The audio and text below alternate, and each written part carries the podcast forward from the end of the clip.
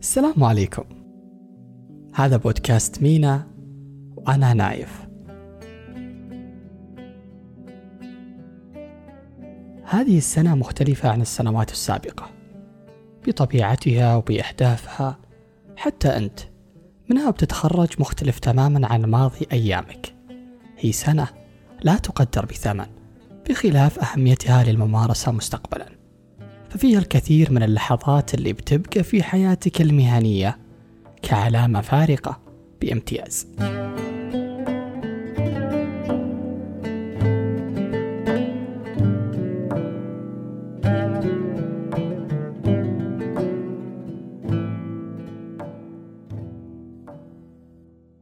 سنة الامتياز هي عبارة عن برنامج تدريبي مدته 12 شهرا. وهو متطلب إلزامي للتسجيل كطبيب أسنان عام في المملكة العربية السعودية. من أهداف هذا البرنامج هو تعزيز المعرفة السنية والمهارات السريرية للمتدرب وتعلم ممارسة طب الأسنان بكفاءة واكتساب القدرة على إدارة الوقت وزيادة الثقة في مهارات المتدرب والقدرات السريرية. وتنمية مهارات الاتصال والمهارات المهنية واكتساب مهارات البحث العلمي. حتى الخدمة المجتمعية المتعلقة بصحة الفم والأسنان اللي هي الأعمال التطوعية لها دور في تشجيع المشاركة فيها. وهذه السنة ممكن أقسمها لك لثلاث أقسام رئيسية. القسم الإكلينيكي. يشمل هذا القسم التدريب بكامل جوانبه.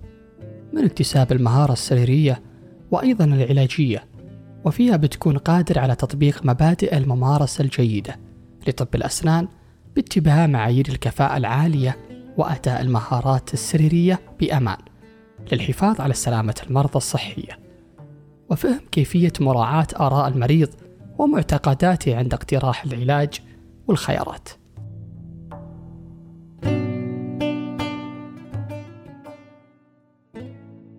ولأن هذه السنة متطلب ولها نظامها الخاص فيها. فبعض الكليات تقسم المدة لسنة الامتياز على ثلاث مراحل.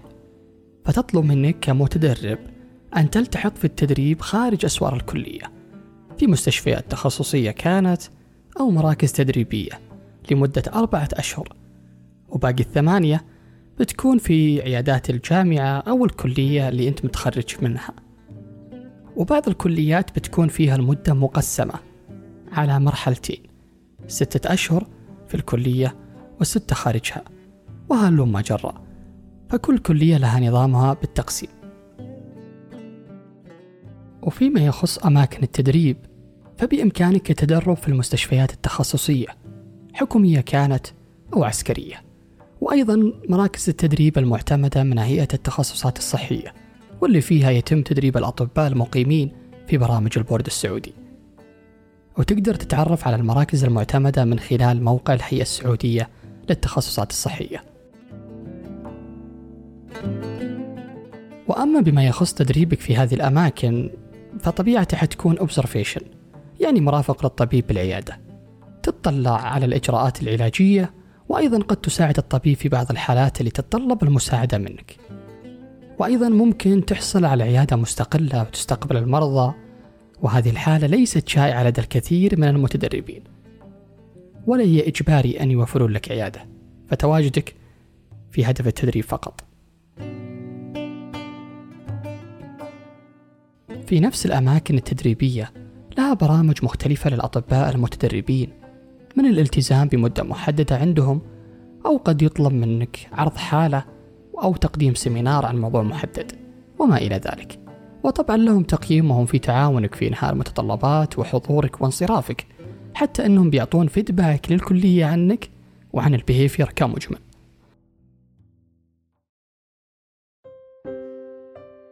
من المزايا الذهبية في هذه الأماكن التدريبية والمستشفيات هي العلاقات والعلاقات والعلاقات. فقد تدرب عند مشرف على برنامج تدريبي. تأخذ منه توصية أو recommendation إن صح التعبير. تساعدك في حصولك على ترشيح في نفس التخصص إن كانت المعطيات اللي بيدك من الأساس عالية. ومو شرط توصيته تكون محلية القبول. فممكن علاقاته مع الأشخاص الآخرين الملتحقين في الدراسة أو ممن أنهوها خارجيا. إنه يصبح هو حلقة الوصل بينكم. وتطلع أكثر على آلية القبول وتعرف برضو النصائح إذا كان عندك الرغبة طبعا في إكمال الدراسات العليا.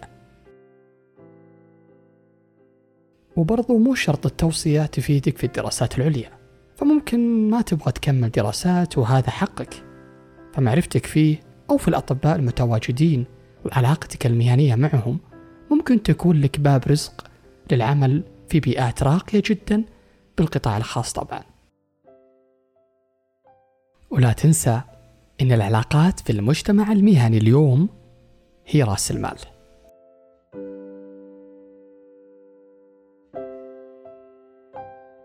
وأما فيما يخص القسم الثاني في سنة الامتياز وهي المتطلبات. فالمتطلبات تتضمن شقين. الأول هي المتطلبات العملية والثاني هي المتطلبات العلمية. فالمتطلبات العملية تتضمن الحالات المتطلب منك إنهاؤها في سنة الامتياز بتنوع التخصصات وعددها وهذا يعتمد على الكلية اللي أنت فيها أو في مراكز التدريب أنت طلبوا منك ذلك. أما المتطلبات العلمية فهنالك أبحاث علمية متطلبة منك إنهاؤها في هذه السنة بداية من اختيار التخصص والفكرة وكتابة الغرض منها. والإجراءات البحثية الأخرى لحين ما تعرضه وتنشره. وأيضا ال seminar presentation حول موضوع علمي محدد. يعطى لك العنوان فقط وأنت في هذه الحالة تبحث عن الموضوع بشكل أشمل وأعمق. وتتعرف على كيفية تلخيص المعلومة وتقديمها بالشكل المفهوم باستخدامك لغة الجسد اللي اكتسبتها من العروض التقديمية السابقة في دراستك.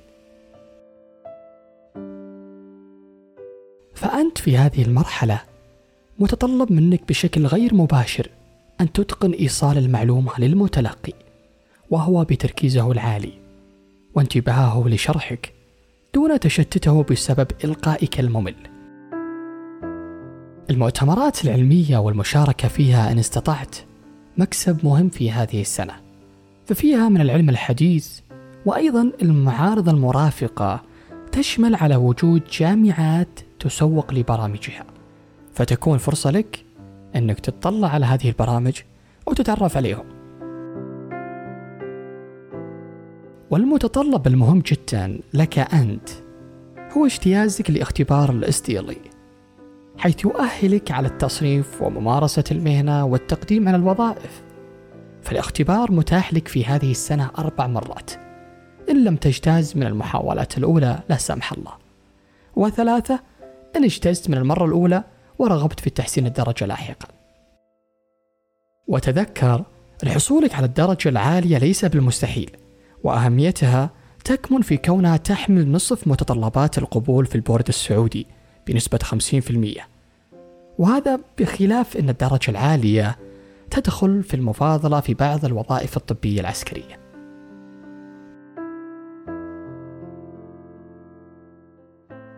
وهنالك متطلبات أخرى من جامعات مختلفة.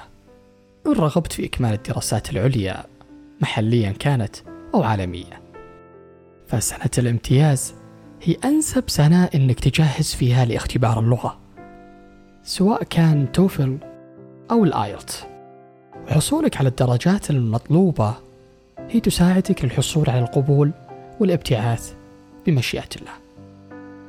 حتى أنها متطلب في كثير من الوظائف الطبية في المستشفيات العسكرية. فاختبار اللغة في هذه الوظائف متطلب كنوع من المفاضلة. بالإضافة إلى بعض الاختبارات الأخرى المطلوبة للقبول في بعض الدول مثل أمريكا. ولخدمة المجتمع نصيب في هذا الجانب. إما من خلال محاضرات توعوية أو مبادرات مجتمعية مختلفة تهدف لنشر الوعي والثقافة عن صحة الفم والأسنان فشهاداتها مهمة أيضا في السي في.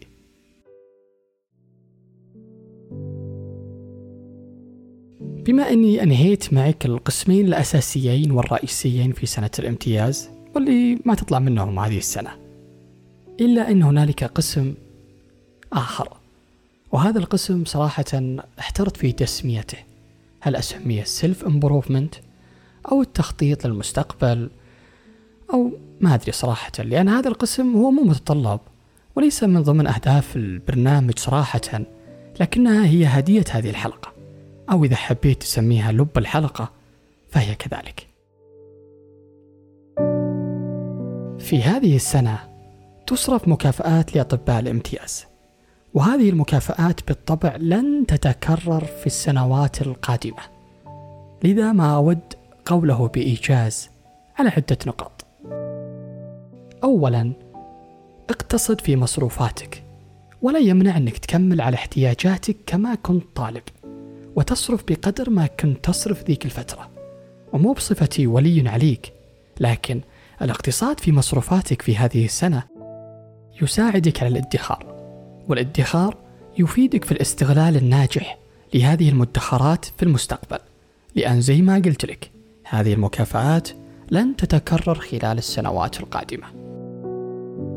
وما بصدمك صراحة لكن هذا هو الواقع. فمكافأة الامتياز اليوم قد تكون أعلى من راتبك غدا وهذا ليس بالمستحيل. ولأنك في الامتياز مو مطلوب منك تارجت معين والحسابة تحسب للحضور والانصراف كما هو الحال بعدين. لذا في التفكير جيدا في المادة هذه السنة هو خيار جدا ذكي.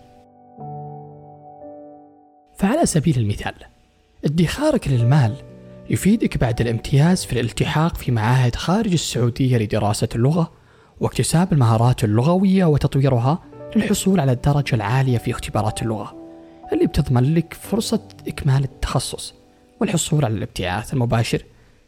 وإن ما كنت ترغب في إكمال الدراسات فالادخار يفيدك في الالتحاق في برامج تدريبية أخرى كورسات مع أمهر الأطباء واكتساب منهم المهارات اللي تساعدك في تحقيق دخل عالي في البرايفت كلينيك.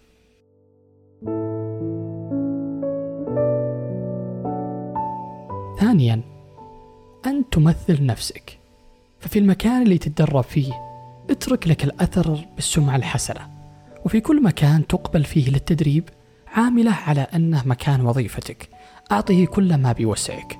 فهذه النصيحة هي مدخل لرأس المال واللي هي العلاقات. ثالثا أنت مسؤول عن مستقبلك وعن اختياراتك. واتباع الآخرين وخطواتهم ليست بالإجبار.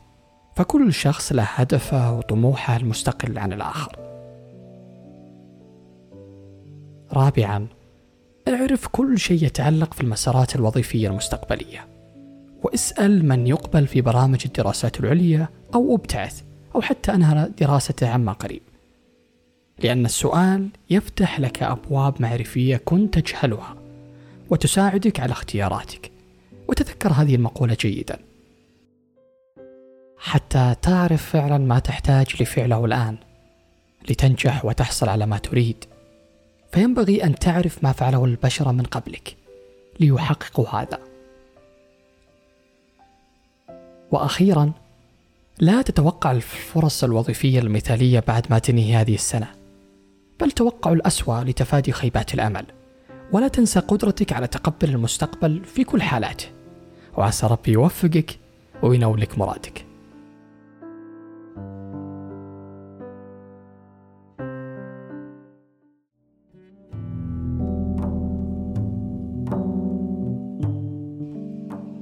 وصلت معك لنهاية الحلقة. أتمنى أنك وجدت الفائدة في الوقت اللي قضيته في استماعي. لا تنسى أن تشارك هذه الحلقة مع زملائك. فكثير تجهله هذه المعلومات. ويهمني أنك تشاركني تعليقك على هذا الموضوع في منصات البودكاست المختلفة. دمت بخير وتسمعني على خير.